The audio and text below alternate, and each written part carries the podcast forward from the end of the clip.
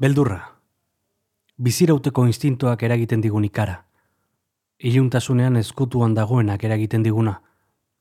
Ez ezagunak. Kanpokoak.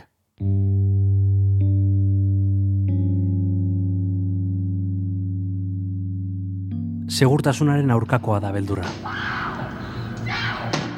Amaika pertsonaiak irudikatua, literaturan bezala zineman. Pailazoa da beldurra. Hiltzailea da beldurra. Mamua. Eriotza. Un estado totalitario armonizará en España. Tresna bezala erabili izan da. Gizarteak kontrolatzeko. Zer dio tresna? Arma gisa erabili izan da.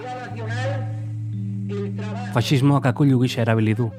Etorkinen aurka, migranten aurka, azalaren kolorea ilunagoa dutenen aurka. American and coalition forces are in the early stages of military operations to disarm Iraq, to free its people, and to defend the world from grave danger. Beldurrak gerra egiteko erabili da. Gerrak justifikatzeko eta gerrak finantzatzeko. Komunitate osoak deusestatzeko. Beldurra gurekin datorren zerbait da. Gure burmuinak eragindako elkarrikintza kimiko baten emaitza. Lagungarri izan daitekena batzutan, oztopo saiestezin besteetan. Eta arekin bizitzen ikasi behar dugu. Ze demontre. Ze erremedio. Gaurkoan, itziar etxebarriarekin hitz egingo dugu beldurraren inguruan. El miedo, una emoción paradójica itzaldiaren karietara.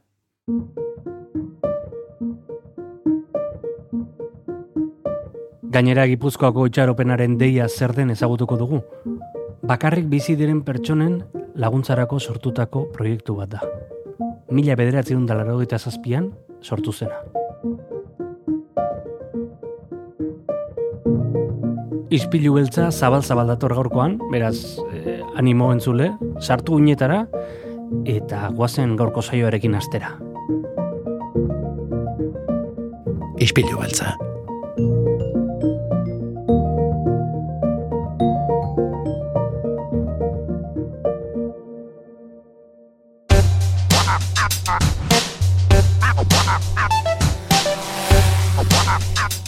Donostia Kultura Irratia. Zabaldu gurekin Donostialdeko kulturaren leioa.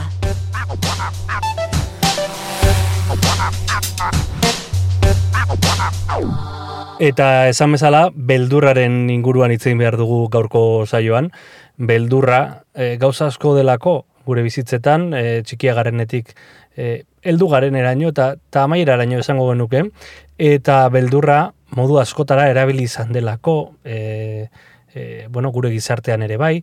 Tira, gaur horren guztiaren inguruan eta gauza gehiagoaren inguruan hitzeingo dugu, itziar etxebarriarekin. Egunon itziar. Egunon, Ondo, dan ondo? bai, bai, hemen, e, itxaroten zure, zurekin elkarrizketa egiteko. Gu ere bai, Eh? gu ere bai. Eh, y estamos deseando eh, de, de hablar eh, sobre el miedo. Eh, un- el miedo que también puede ser un tabú, ¿verdad? Pues mira, realmente no me lo había planteado desde ese punto de vista. Un tabú en el sentido de que algunas personas no quieran reconocer su miedo o no sé exactamente... Por ahí, por ahí voy, por ahí voy. Eh, eh, los miedos, ¿no? Son, a veces da miedo hablar sobre lo que nos da miedo.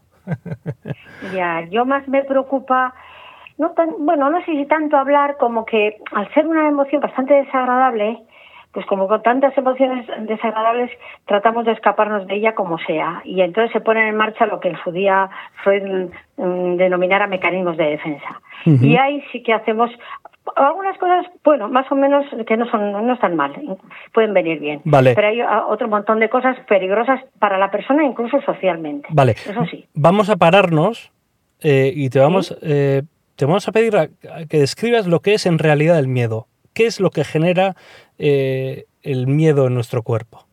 Bien, el miedo en principio hoy en día hay bastante consenso en que se trata de una emoción básica y además una emoción que es funcional.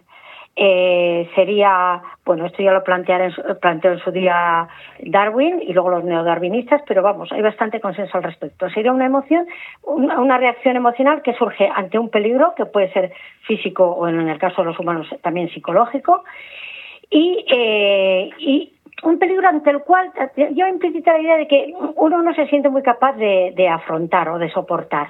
Y entonces eh, conlleva esta reacción una tendencia de acción que es hacia la autoprotección. Hmm. Y en ese sentido, pues hombre, a- eh, sirve para, eh, bueno, ha servido a lo largo de, de la filogénesis, que es una eh, emoción heredada de los de otros animales, ¿verdad?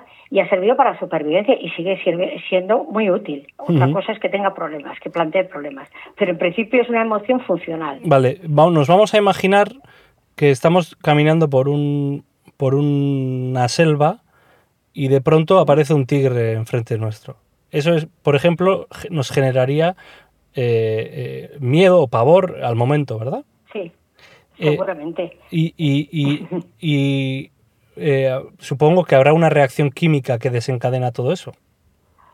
Evidentemente. Bueno, mm, hay, hay, hay, hay, una, hay una evaluación implícita de lo que está sucediendo. Hay una percepción de, de peligro. Eso eh, mm, a un nivel muy simple o muy complejo en los humanos puede ser. El peligro puede ser complejísimo. Pero eh, aunque sea una evaluación muy simple, hay lo que en inglés denominan una appraisal de lo que está sucediendo. Y inmediatamente se suscitan todas unas reacciones eh, fisiológicas. Claro, empieza a palpitar el corazón, a veces hay sudoración. Según cómo sea la reacción, a veces la persona eh, la persona o el animal se queda paralizado. ¿eh? Hay toda una serie de reacciones fisiológicas y subjetivamente se vive lo que es la experiencia de miedo, de, de sentirse inseguro, de sentirse impotente, de sentir no saber, de que no se sabe cómo salir de la situación y que algo va a pasar algo malísimo. Y implícitamente, inmediatamente aparece esa tendencia de acción. En general, pues en esa situación sería al escape, no sé, pues, o sea, al escapar y La a huida. el peligro, la huida, por supuesto, sí.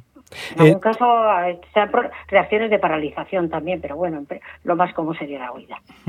Eh, otra pregunta, ¿qué, qué, qué relación tiene el miedo con el estrés, por ejemplo? Hombre, yo no lo vería. Si lo vemos como que el estrés existe, mm, normalmente va acompañado de bastante ansiedad, porque uno está puede estar agobiado, que no llega a todo, eh, que entonces no le van a salir las cosas bien, eh, que no alcanzará ciertas metas, que eso tendrá unas consecuencias. Entonces, pues sí, mm, eh, aparecería una ansiedad y esa ansi- ansiedad en cuanto toma forma con respecto a alguna cosa, con respecto a pues eh, qué me pasará con, con- el trabajo, con, la- Ujú. con la casa, con la salud, o lo que eh, se en miedo. Pero estrés como tal yo no lo veo eh, que tenga una relación directa. Otra cosa, mira, ahora sí que estaba pensando, hay ciertas mm, mm, síndromes más o menos patológicos. Por ejemplo, claro, otra cosa es el estrés postraumático, por ejemplo. El estrés postrau- postraumático es el que se da, bueno, pues como el mismo término indica, después de un trauma fuerte, ¿no? Puede ser, por ejemplo, en soldados, eh, en los soldados de Vietnam se habló mucho de esto, ¿no? Sí. pero, pero también hubo la Primera y la Segunda Guerra Mundial, las guerras que nos son más próximas, desgraciadamente, ahora tenemos la de, la de lo que está sucediendo en Palestina e Israel. Y, y, y, por ejemplo, en casos de violación, en casos de terremotos como los que eh, se han vivido hace poco en Marruecos, en esos casos es- aparecen este tipo de reacciones de estrés muy fuerte y entonces el- el- los sucesos traumáticos quedan grabados en la mente, pero una, de una forma disfuncional. En general es importante que los peligros queden grabados en nuestra mente, porque eso nos hace recordar para sucesivas ocasiones que hemos de evitar ciertas, ciertas situaciones, Ujú. etcétera, ¿no? Pero en estos casos se desregula y entonces en este caso de estrés, pero estrés por trauma, Sí. sí, que hay eh, pesadillas, eh, fobias, fobias como agorafobia, incapacidad de salir sola a la calle, y que pueden durar meses e incluso años. Pero en el, tres, el estrés, lo que normalmente en la calle llamamos estrés, pues no le veo yo demasiada relación con el miedo. Bueno, antes eh, comentábamos en el comienzo del programa que el miedo, eh, aparte de ser una reacción eh, de nuestro cuerpo, ¿no? Una reacción natural eh, pensada para la supervivencia, también se convierte en una herramienta que utilizan para controlarnos, ¿no? Puede ser también. eh, Bueno, sí, sí, sí, eso, eso ha sido bastante evidente. El tema de, eh, el, el tema de los miedos, por ejemplo, a veces se puede hacer, eh, vamos a ver, bueno, a veces directamente cara a la manipulación, a veces eh, eh, se acaba utilizando el miedo eh, políticamente eh, sin aunque, aunque el miedo como tal tiene otro origen, pero a veces directamente eh, buscando la manipulación. Por ejemplo, el caso de las políticas de casi todos los, bueno, la, política de casi toda la extrema derecha europea o la que tenemos más cercana, ¿no? Todo ese discurso que tiene sobre los inmigrantes como si fueran delincuentes, permanentemente de ahí vienen peligros, etcétera. Bueno, pues eh, obviamente no es un discurso inocente, ¿no? eh, y, y, eso se ha manipulado el tema de las brujas, por ejemplo, en, la Edad Media y, posterior. Mm, en el caso de las brujas, decía antes, que, por ejemplo, esto de los inmigrantes me parece que es directamente eh, es una utilización clara del miedo para controlar a, pues, eh, la política de un país y los movimientos sociales. Pero en el caso de las brujas, por ejemplo, lo que ocurre a veces es que los propios miedos eh, en un determinado colectivo, por ejemplo, ante sucesos que no saben qué origen tiene, mm, y ante la incertidumbre y tal, hacen que las personas para manejar esos miedos eh, hagan ciertas racionalizaciones y elaboren teorías que luego acaban siendo delirantes y que provocan más miedo. Por ejemplo, un ejemplo que me encontraba estos días preparando la conferencia es de Pierre Lang, aquí en La Pordi, un, señor comandado por el rey, que, fue comandado por el rey para, para limpiar de brujas toda la zona de la Pordi. Y este señor, serio, serio, en sus libros decía que es que las brujas provocaban las tempestades que provocaban a su vez los naufragios, ¿no? Entonces, en ese caso, en realidad, directamente no se eh, no, no se ha pretendido la, la, bueno la manipulación ocurre en algunos contextos sociales que eh, los propios miedos de las personas acaban generando y ahora tenemos las teorías conspiranoicas verdad teorías bastante delirantes que a su vez están hechas un poco para quitarse el miedo, para encontrar una lógica al caos o lo que sea, pero resulta que a su vez acaban provocando más miedo, ¿no? Y es el caso de que luego finalmente el temor a las brujas y todo lo que desató. Sí. Y en ese caso luego que sirvió para controlar comportamientos también. Claro. No sé si me he explicado con claridad. Sí, sí, eh, claro, eh, sí, quiero decir que a veces directamente se provoca el miedo eh, para controlar a las masas o a, la sociedad y otras veces surge el miedo, pero luego sirve desde luego para, para control social, evidentemente. ¿Y a qué le tienes miedo tú? Pues la verdad es que no me tengo por muy miedosa, pero ya con una cierta edad a la enfermedad y a la muerte, sí, sí, sí. Antes yo, a veces en la adolescencia, de joven, oía esta cosa un poco a los amigos y tal, con sus lecturas existencialistas que hablaban de la muerte y tal, me parecía un poco, pues francamente no lo no me provocaba propiamente miedo. Eh, ahora no, no sé si es tanto miedo como sí, sí, sí, en el fondo es miedo, evidentemente. Un miedo de un carácter muy diferente a lo que puede ser un miedo a un animal o a un animal o a volar o es que el tema del miedo es que es que abarca cosas tan tan nimias y tan trascendentes, ¿verdad? Eh, quizá quizá quizá el elemento en común de todas las cosas que estamos comentando es el eh, lo desconocido, ¿no? Lo que está, eh, si, nos, si nos ceñimos al cine, por ejemplo, ¿no? Eh, que, que, ahora, bueno, en Donosti vamos a tener el, la semana, vamos a pasar la semana del cine fantástico de terror. Eh, en el cine, lo, lo, oscuro, lo desconocido, lo, lo que... Eh, es, es, lo que nos da miedo, ¿no? En, la muerte en sí también, también es algo desconocido, no sabemos qué, lo que es, ¿no? Porque se acaba todo, ¿no? No sé, o sea, me parece que en, todas las cosas... La, muerte es lo, desconocido, pero según si uno no es creyente es lo definitivo. Pero es verdad que en general, es verdad que en general eh, eh, lo que nos da miedo es toda esa, esa, incertidumbre, esa inseguridad y en, estos momentos actuales donde la gente accede a tantísima información, información tan compleja y el mundo, hay, riesgos, hay problemas reales importantísimos. Hmm. ¿eh? Para nosotros que vivimos en la parte cómoda del mundo, pues como mínimo el cambio climático no es ninguna tontería. Luego ya no digamos otros problemas muy serios. Entonces, eh, sí, eso genera eh, eh, eso, yo creo que eso en, en, en, los seres humanos adultos ese es el peor miedo. Eh, a los chiquitines, a los niños, pues les da miedo la oscuridad, les, les da miedo a algunos animales. Son, o sea, las, las, las fobias van, y, bueno, las fobias no, los miedos sin más van cambiando, ¿no? Pero los humanos en general sí. Y, y, ahora que has dicho lo del cine, también he analizado un poquillo, porque mira, yo creo que el cine y la literatura de terror, eh, depende de qué personas, pero... Mm, sí creo que a bastantes personas les sirve como una especie de sublimación, que sería una defensa frente al miedo, pero digamos mm, relativamente sana, ¿no? De- Sí. Una defensa sana. Eh, pues porque muchas veces eh, bueno, hay una socióloga por ahí que, que, que menciona que muchos, muchas de las películas, eh, a, a muchas películas de terror mm, mm, reflejan los temores de cada época, ¿verdad? Mm. Y claro, en esas películas, eh, por ejemplo, la de Godzilla, eh, que, que surgió poco después de la bomba atómica en Japón, ¿no? Sí. Y bueno, pues era creíble un, que, de, que, un lagarto pues fuera da- da- da- fuera a dar lugar a un gran monstruo, etcétera. Y, y lo bueno es que en la película, pues digamos que podemos vivir la experiencia de miedo, pero sabiendo que no es verdad. En fin, de forma vicaria, no nos sucede a nosotros, le sucede, le sucede al de la pantalla. Eh, a veces incluso vencemos y podemos aprender formas de afrontarlo.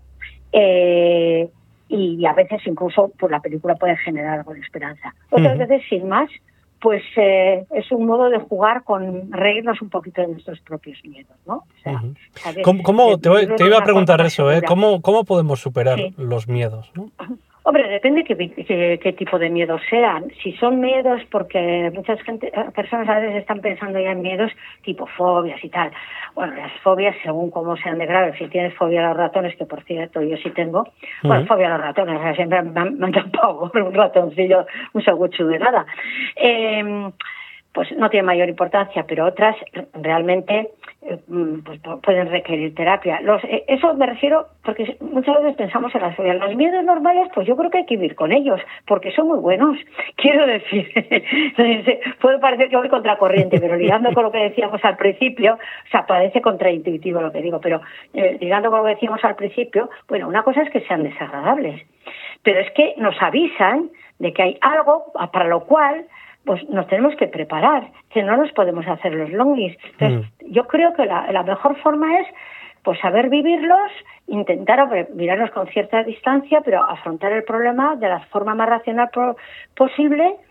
El, el problema que, que está subyaciendo a ese miedo, ¿no? Que tenemos, eh, bueno, que, que hay detrás y eh, por supuesto, pues sí, también de vez en cuando tampoco hay que ser tan racionales, distraernos un poco, tampoco estar mirando de cara todo el rato Claro. al miedo, ¿verdad? Pero en principio, mm, a mí me parece que si, eh, bueno, suele ocurrir, ¿no? Esta gente que tiene tanto miedo a, a tener una enfermedad que no va al médico, o sea, Sí, pues eh, suele ser bastante peor, ¿no? sí, sí, sí. sí. Eh, Todos sabemos, entonces, eh, pues a veces hay que pasarlo mal, porque ese ese pasarlo mal, esa parte desagradable del, miedo, esa parte desagradable, mm, que oímos de, de esa parte desagradable, y más en esta sociedad así súper hedonista, ¿no? Eh, esa parte es la que le da su valor funcional al miedo. Es decir, es en la medida en que nos resulta desagradable que queremos quitarnos el miedo y entonces eh, nos ponemos en marcha a ver qué pasa aquí. Claro. ¿eh? Bueno, entonces yo yo creo que hay que, hay que saber vivirlo, reconocer lo que está ahí y, y, y, y actuar lo más racionalmente posible. Por ejemplo, en casos desde el miedo a un examen, pues ponte a estudiar. O sea, Claro, claro. A, veces había gente, yo recordaba gente que se tiraba meses, ay, qué miedo, qué miedo tengo. Pues ponte a estudiar cuanto antes, menos miedo tendrás. Por ejemplo, la de la enfermedad es un caso claro. ¿eh? Sí. Y un ejemplo que pongo, que pondré en la conferencia porque me parece clarísimo, por ejemplo, es el de estos varones, ¿no? Eh, pues eh, ahí tienen a- uno- ciertos varones entre los 25 y 35 años tienen bastante peligro porque para los varones está prescrita una cierta osadía. O sea, esto de las emociones tampoco es algo natural que surja de dentro, sino Sí. que también hay ciertas prescripciones sociales, ¿no? Entonces los varones tienen que ser un poco osados y entonces pues hacen eh, carreras de coches a no sé qué horas, en no sé qué descampados, a, a no sé qué velocidades, o incluso apuestas de si cojo la, la autopista en sentido contrario, cosas por el estilo, ¿no? Y hay, veces- hay, dice- hay veces que se dice, no tienen conciencia del peligro. Entonces, eso es incorrecto. O sea, no es que no tengan conciencia, saben que eso es peligroso. Sí, El problema es que no lo sienten. Como son varones, como deben ser, muy machos o lo que sea, pues ellos eh, vencen el miedo, a- hacen como que no sienten miedo, incluso pues igual les da un cosquillo el miedo, lo, lo, lo convierte en una emoción pues un poco que les coloca, ¿no? Y, y entonces eh, el miedo como tal, el que a los demás humanos nos frenaría ahí, pues a ellos no les frena. Entonces, es- eh, yo creo que e- ese elemento del miedo es importante. Mm. Sin duda alguna, sin duda alguna, eta hemendik, e, hemendik, hemendik e, gombidatuko diogu entzuleari, e, urrearen amarrean, zeiretan, Ernest Juk kulturetxera gerturatzera, ze itzaldi oso interesgarri izango da bildurraren inguruan, el miedo, una emoción paradójica, y vaya paradojas, Bai. vaya paradojas. Bai. Bueno, Itzi, ba, itziar, pla, pla, pla- Bihar biltzen bazarete, hori da, hori da, plazerra izango da, eta hemendik bezarka handi bat, Berdin, mi esker. Agur, agur. agur, agur. Ispilu beltza, Donostiako kulturaren isla. Maribel Pizarro, ongi etorri gure izpilura. Eh, eskerrik asko, Asier. Encantada de saludaros.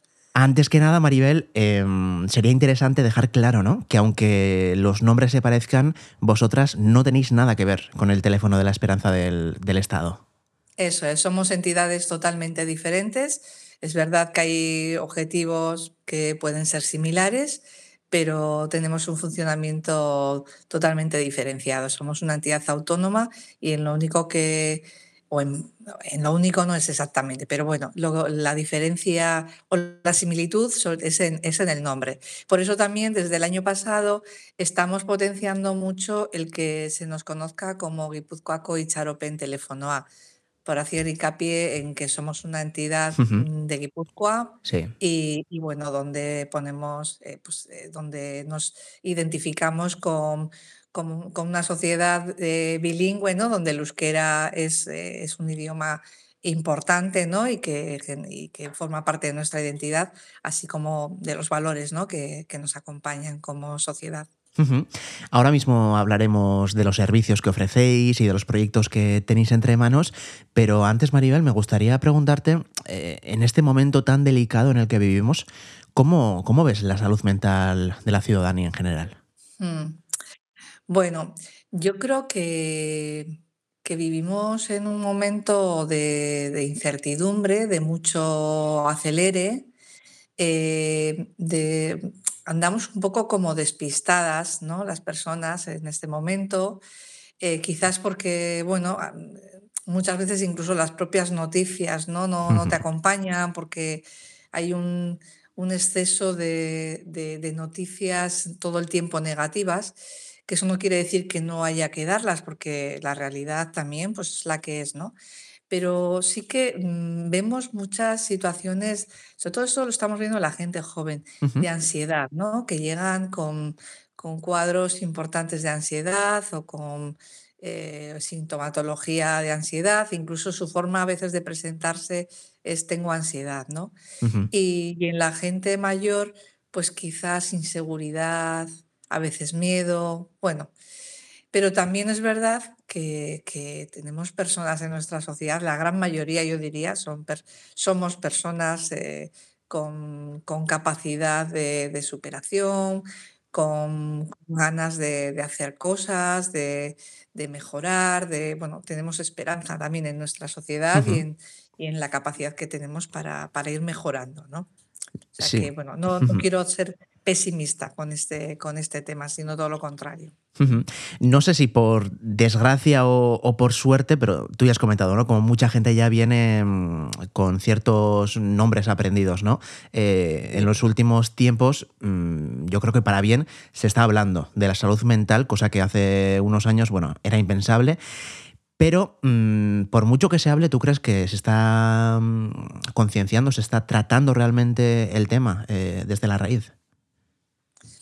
Yo creo que se, está se ha producido una normalización de, bueno, bastante normalización a la hora de hablar de, de los problemas vinculados a la salud mental.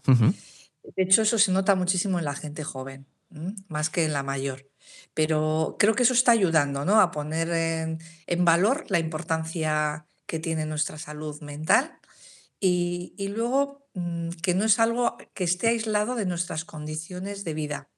Sea, la salud mental no es algo que a mí me pasa, o tiene que ver con, con cómo yo afronto ¿no? individualmente lo que me pasa, eh, si tengo yo recursos propios, personales, individuales, sino también tiene que ver con las condiciones de nuestra sociedad, con el tipo de valores que, que nos, que, que nos mueven y, bueno, pues con, con, el, con todo el entorno ¿no? en el que estamos viviendo. ¿no?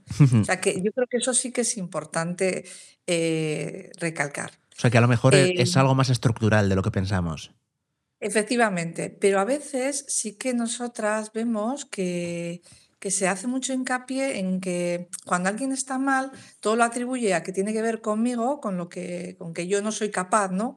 De afrontar la vida, los problemas que tengo, y entonces necesito la ayuda de un profesional, ¿no? O sea, se está como eh, psicologizando, desde mi punto de vista, demasiado los, eh, el malestar ¿no? de, de, la sociedad. Digo, por no hablar solamente de salud mental, que también lo lleva como a un terreno muy, muy médico, ¿no?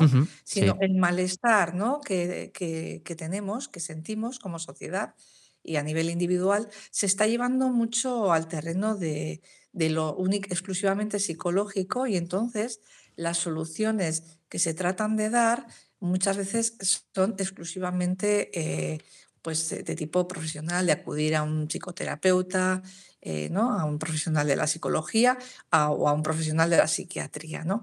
Y entonces a mí me parece que sin darle valor a esto, y que a veces es necesario, creo que poner toda la carga sobre esto me parece que, que no, no, no, ayuda. Y además creo que, que genera una sensación también de, de, de, poner todo el tiempo el foco en, en la enfermedad, ¿no? en lo médico, ¿no? Y, y, quita recursos a, a, las personas ¿no? y a las comunidades. Y precisamente por todo esto eh, de lo que hablamos, estáis vosotras ahí para ayudar a las personas eh, a prevenir situaciones de riesgo o de exclusión social eh, y también, bueno, pues conductas tan extremas como puede ser el suicidio, ¿no? Por desgracia, hace falta entidades independientes como vosotras todavía para, para ayudar a la ciudadanía. Sí, desde luego, o sea, además, eh, esta entidad eh, que nace hace, va a hacer 36 años, ¿no? Aquí en Donosti, eh, pues es una entidad donde siempre ha tenido como prioridad el acompañar a personas que están, están sufriendo y se encuentran solas en ese sufrimiento, ¿sabes? O que están solas y, y eso les genera sufrimiento, ¿no? Entonces, es verdad que durante muchísimos años eh, desde nuestra entidad, el, digamos que casi toda la carga de, nuestra actividad ha estado muy centrada en ese acompañamiento individual, ¿no? Eh, en ese apoyo individual. Pero también mm, tengo que decir que desde hace ya por lo menos cinco años estamos hemos girado la mirada o hemos ampliado, mejor dicho, nuestra mirada y además de trabajar desde lo individual y en personas que ya están en situación pues, de sufrimiento, de riesgo o incluso eh, con riesgos de, suicidio, como has comentado tú, ¿no? Eh, también estamos en, otra parte que es la de la prevención primaria, la de la promoción de, los, los, vínculos comunitarios, porque pensamos que es súper importante toda esa parte, ¿no? La parte de lo relacional, de lo comunitario y, bueno, de, nuestro potencial como, como sociedad, ¿no? Enseguida hablaremos, Maribel, de, esos proyectos que tenéis entre manos, que se centran mucho en la prevención, como, como has dicho, em, pero concretamente vosotros, eh, vosotras ahora mismo disponéis de dos servicios, ¿no? Dos servicios, bueno, em, una, Badavi Debat, eh, que es un servicio de apoyo y acompañamiento dirigido a jóvenes de entre 18 y 30 años. Mm, un tema peliagudo, ¿no? En los tiempos que corren la de la salud mental de los jóvenes. Sí, la verdad es que lo pusimos en marcha en junio, hizo dos años, y, yo creo que era algo que sentíamos que teníamos que hacer porque veíamos eh, esa necesidad y creo que ha sido todo un acierto. Y creo que habéis abierto un espacio para la gente joven muy importante y de hecho los datos, aunque eh, estamos hablando, por ejemplo, por decirte, ¿no? en el primer semestre de, este año hemos atendido a 96 eh, jóvenes. Eh, igual parece que, es poco, pero es que antes, cuando no teníamos este servicio, atendíamos a 14. Entonces, hemos visto que, va increciendo. O sea, del año pasado a este, pues ha habido un incremento de un 28%. Y esto en atención, en atenciones, o sea, digamos que Badavideva tiene como dos, eh, el servicio se puede, se diferencia como en dos formas de atención, ¿no? Una que es vía chat o vía WhatsApp, eh, y que, bueno, pues eh, se mueve en, ese campo, ¿no? O, o telefónica, ¿no? Y, y ahí se hace un acompañamiento como más puntual, más, con- más eh, concreto, ¿no? Eh, eh, pero luego tenemos otro servicio que es de acompañamiento profesionalizado, donde ya las personas vienen aquí y se, y se les acompaña pues, durante, durante mucho más tiempo. ¿no? Entonces, bueno, esto eh, por, por no liarme mucho, eso que pues que va David Evad pensamos que es un servicio que, que hacía falta, porque es una edad, un tramo de edad que, que creemos que hay un vacío. Sí que hay, eh, hay programas que acompañan hasta los 18 años, pero parece que una cumple la mayoría de edad y ya no necesita ¿no? de este tipo de, de Efectivamente, sí. programas. ¿no? Sí. ¿Y cómo, cómo podremos acceder a esa ayuda si tenemos eh, entre 18 y 30 años? Pues mira, eh, hay, hay, de entrada hay una página web que, que desde ahí hay mucha información de, de Badavidebat y la página web es eh, badavidebat.eus. Ujú. Entonces ya cuando tú entras en la página web, pues ya te encuentras con que hay un teléfono, gratuito, que es verdad que el teléfono lo hemos mantenido, eh, es- esta vía de acceso, eh, porque bueno, es también una seña de identidad nuestra, pero tengo que decir que es, un, es una forma de, de- de acceder a Badavidebat que es más utilizada por profesionales. Sin embargo, la gente joven, cuando quiere acceder, entra a través de un chat que se te abre en cuanto abres la página web.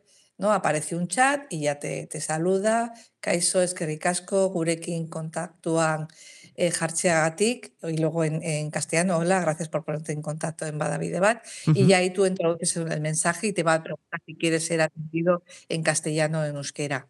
Sí, precisamente justo lo que eh, se ha oído es que he entrado en la página web y es completamente intuitiva ¿eh? Eh, acceder a esa ayuda porque directamente se abre el chat y, y como habéis podido escuchar que se ha colado en la entrevista, eh, de manera inmediata ya nos pondríamos en contacto con vosotras, ¿verdad? Eso es, eso es. Entonces está el chat que la verdad o sea, funciona muy bien y al principio era la forma más, más común de contactar a la gente joven, pero es verdad que en este año es- estamos viendo que el WhatsApp, que es otra forma de acceso y que también viene, viene en la página, eh, pues ha sido, está siendo una vía de, de acceso muy importante a este servicio. Eh, por lo tanto, badavidebat.eus eh, es la dirección a la que bueno, pues, eh, cualquier persona puede acceder entre 18 y 30 años. Y Maribel, que no se preocupen los oyentes porque a partir de los 30 años también ofrecéis ayuda. Efectivamente, porque luego tenemos otro servicio que se llama Albaindu. ¿eh? Albaindu significa hilvanar y le hemos llamado, le llamamos así, es un nombre que le pusimos el año pasado, porque es un poco lo que tratamos de hacer aquí. Es decir, mm, a veces las personas necesitamos como algo provisional, que, pero que nos ayuda, ¿no? que, nos, que nos permite seguir funcionando, ¿no? pero que igual a veces vamos a necesitar de, de un apoyo pues, más específico. Imagínate una situación donde la persona tiene una adicción, ¿no? A cualquier tipo de, bien adicción con, eh, a, un- al- algún tipo de, de droga o bien a, a un- una adicción de las que llamamos eh, compo- comportamentales, ¿no? Pues al juego o compras, otro tipo de adicciones. Eh, claro, ahí va a requerir de una, forma, de una especialización, de una eh, atención especializada, ¿no? Entonces, aquí hacemos como un primer trabajo, ¿no? Un primer acompañamiento, mm, escucha, contención, eh, que la persona no se sienta juzgada, orientarle hacia, hacia dónde puede, puede ir, acompañarle si tiene que ir a algún otro recurso. Entonces, es como algo, eh, eso, como lo que es una- un hilván, ¿no? Que es un cosido provisional que luego muchas veces va a requerir de, de algo más, eh, más sólido, ¿no? Pero que no por ello deja de ser válido, ¿no? Y útil. Y, y en este caso, ¿cómo podemos acceder eh, a- al servicio de Albaindú? Pues al Baindu hay un teléfono que es el 900-840-845 y luego también tenemos, está la posibilidad de, de enviar un, un correo electrónico ¿m? y fundamentalmente estas dos vías. ¿Por qué estas dos vías? Porque son las que las personas, digamos, adultas más mayores eh, suelen utilizar con, con mayor asiduidad, es donde se pueden sentir más, más cómodas y más cómodos. Tengo que decir que anteriormente eh, la entidad de Guipúzcoa, nuestra, Guipúzcoa Itxaropen Teléfono A, Ujú. no diferenciaba los servicios. Entonces el año pasado estuvimos haciendo un trabajo, hicimos un trabajo de reflexión interna donde nos dimos cuenta de que eh, se nos asociaba todo el tiempo con un servicio telefónico, Sí. ¿no? Y sin embargo, la entidad hace muchas más cosas eh, de lo que, que, que atender telefónicamente, ¿no? Y entonces por eso lo de la página web, que, en la que también se puede entrar, que es eh, Guipúzcoako Itxaropen, o sea, Git, Guipúzcoako Itxaropen Telefonoa, o sea, las siglas, Eso es, eh, git.eus. git.eu. Eso es.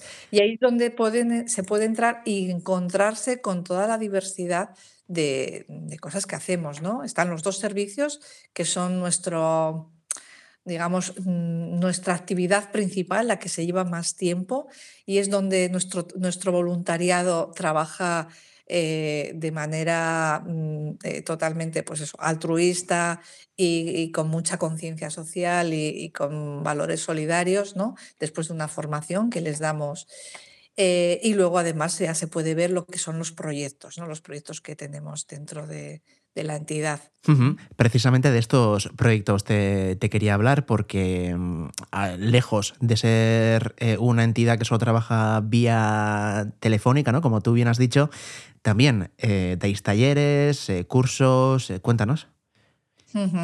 Sí, los talleres y los cursos no es algo que nosotros ofertamos, sino lo que hacemos es, la- es- o sea, damos respuesta a la demanda, bien de, de entidades sociales o bien de la administración. Vale. Entonces, eh, por ejemplo, si nos vamos a Badavidebat, o sea, relacionados con el tema jóvenes, ¿no? De 18 a Sí. 30, pues eh, recibimos eh, demanda por parte, por ejemplo, de Diputación, ¿no? Que tiene un programa que se llama Treva Gastea, que hace con los ayuntamientos, y entonces ahí pues eh, nos eh, pide talleres de, preve- de prevención de suicidio Ajá. o de eh, promoción del bienestar emocional o otro tipo de talleres, ¿no? Que eso ya los pueden ver ahí. O, por ejemplo, desde Técnica, que es, la, eh, es, es una entidad de gobierno vasco que trabaja lo que es el, eh, la, la innovación en, en FP, en formación profesional. Sí. Pues, por ejemplo, nos, soli- nos solicitan talleres dirigidos a, a estudiantes de formación profesional, ¿no? Eh, y ahí ya pues hacemos talleres, pues de, por ejemplo, pues eso de, de promoción del bienestar emocional eh, o de, en principio más o menos todo vinculado a lo relacional, a las emociones y a la prevención de la soledad no deseada y del suicidio, eh, de la conducta suicida. Pero luego también nos pueden pedir mm, a veces asesoramiento o formación en temas de escucha activa, de cómo hacer una buena escucha, eh, de, cómo, cómo trabajar desde el marco de, de, eh, de la relación de ayuda. Y eso ya a veces son peticiones más de entidades sociales, ¿no? Pues como pueden ser, no o sea, así por hacer memoria, desde una Caritas o un Emmaus Fundación Social hasta eh, una empresa, empresas que, se, que trabajan con ayuda a domicilio, ¿no? Para dar formación a las personas que, que acuden a los domicilios para atender a personas que, que lo requieren y entonces les formamos en cómo hacer una buena atención, no solamente de tip- no, no solamente lo que ya hacen, ¿no? sino además cómo escuchar bien, cómo poner límites en las relaciones. Bueno, la verdad es que la variedad es, es importante. Por lo tanto, mm, yo lo que recomendaría a las oyentes es que entren en GIT, en hit.eus y allí seas una empresa, seas una entidad social, seas un individuo como tal, eh, tienes acceso a todos los servicios, a todos los proyectos, eh, os podéis informar de lo que están haciendo desde Guipúzcoa Itxaropen Teléfono A. Eh, Maribel, antes de acabar, desde tu posición, no sé si el día de hoy, el día de la salud mental, mm, si tienes algún mensaje para, para todas las que nos están escuchando. Hmm. Bueno, pues yo diría que, como he dicho antes, la salud mental es muy importante. Sin salud mental no hay salud. Por mucho que tengamos salud, física, no puede ser buena salud física si no hay una buena salud mental.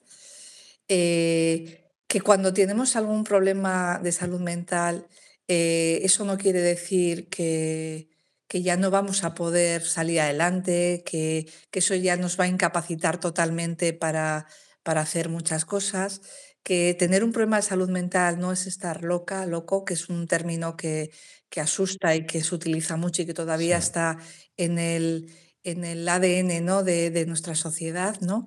y que la verdad que todas las personas en algún momento de nuestra vida vamos a poder vamos a desarrollar o vamos a tener algún problema de salud mental, desde una ansiedad, un problema de depresión, quizás un duelo que no somos capaces de, de superar, alguna fobia y, a veces, bueno, pues lo que aprendemos es a convivir también con ellas. ¿eh? No es, es algo que, que, no, que evidentemente genera sufrimiento, eh, pero eso se puede ir reduciendo y se puede aprender, se puede convivir con este tipo de problemas.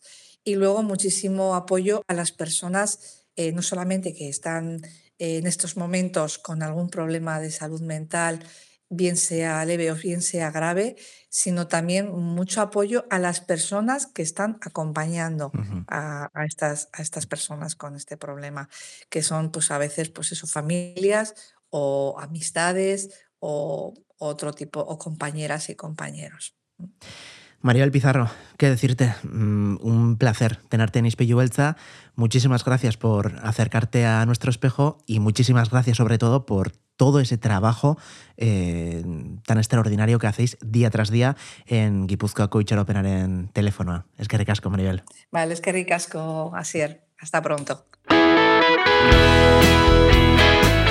Eta izpilu beltza amaitu dugu honen bestez, autonostia kultura irratia da, eta egunero egunero daukazu gurekin zure kultur dozia. E, asier erreztirekin, baina gaixo dago, eta bitartean ba, ni aguantatu beharko nauzue, oi erran zabal, eta besterik ez, bezarka da bat.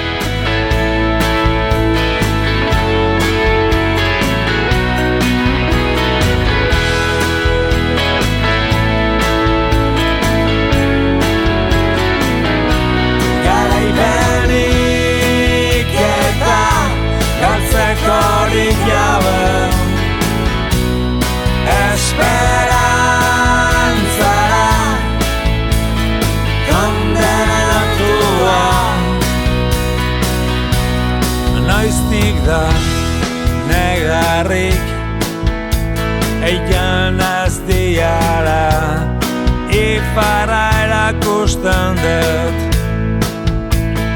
Beatzas Ara coarga el caria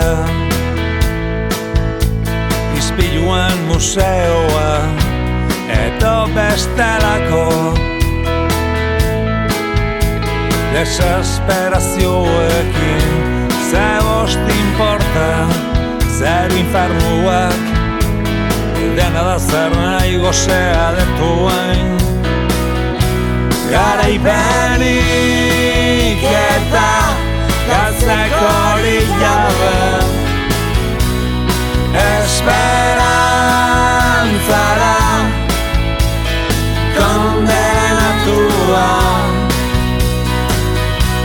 Eskuta begiz bakardadea Existitzen ez den erio. Bateko morroi txakur bat bezala. Arna sestuka Gustoan engoen antxetada Da. Ez da sinistan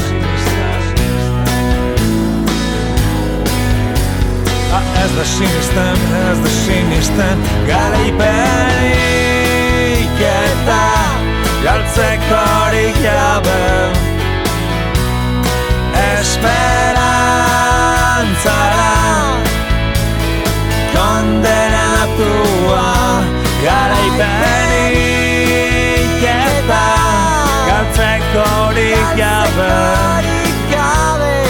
Esperantzara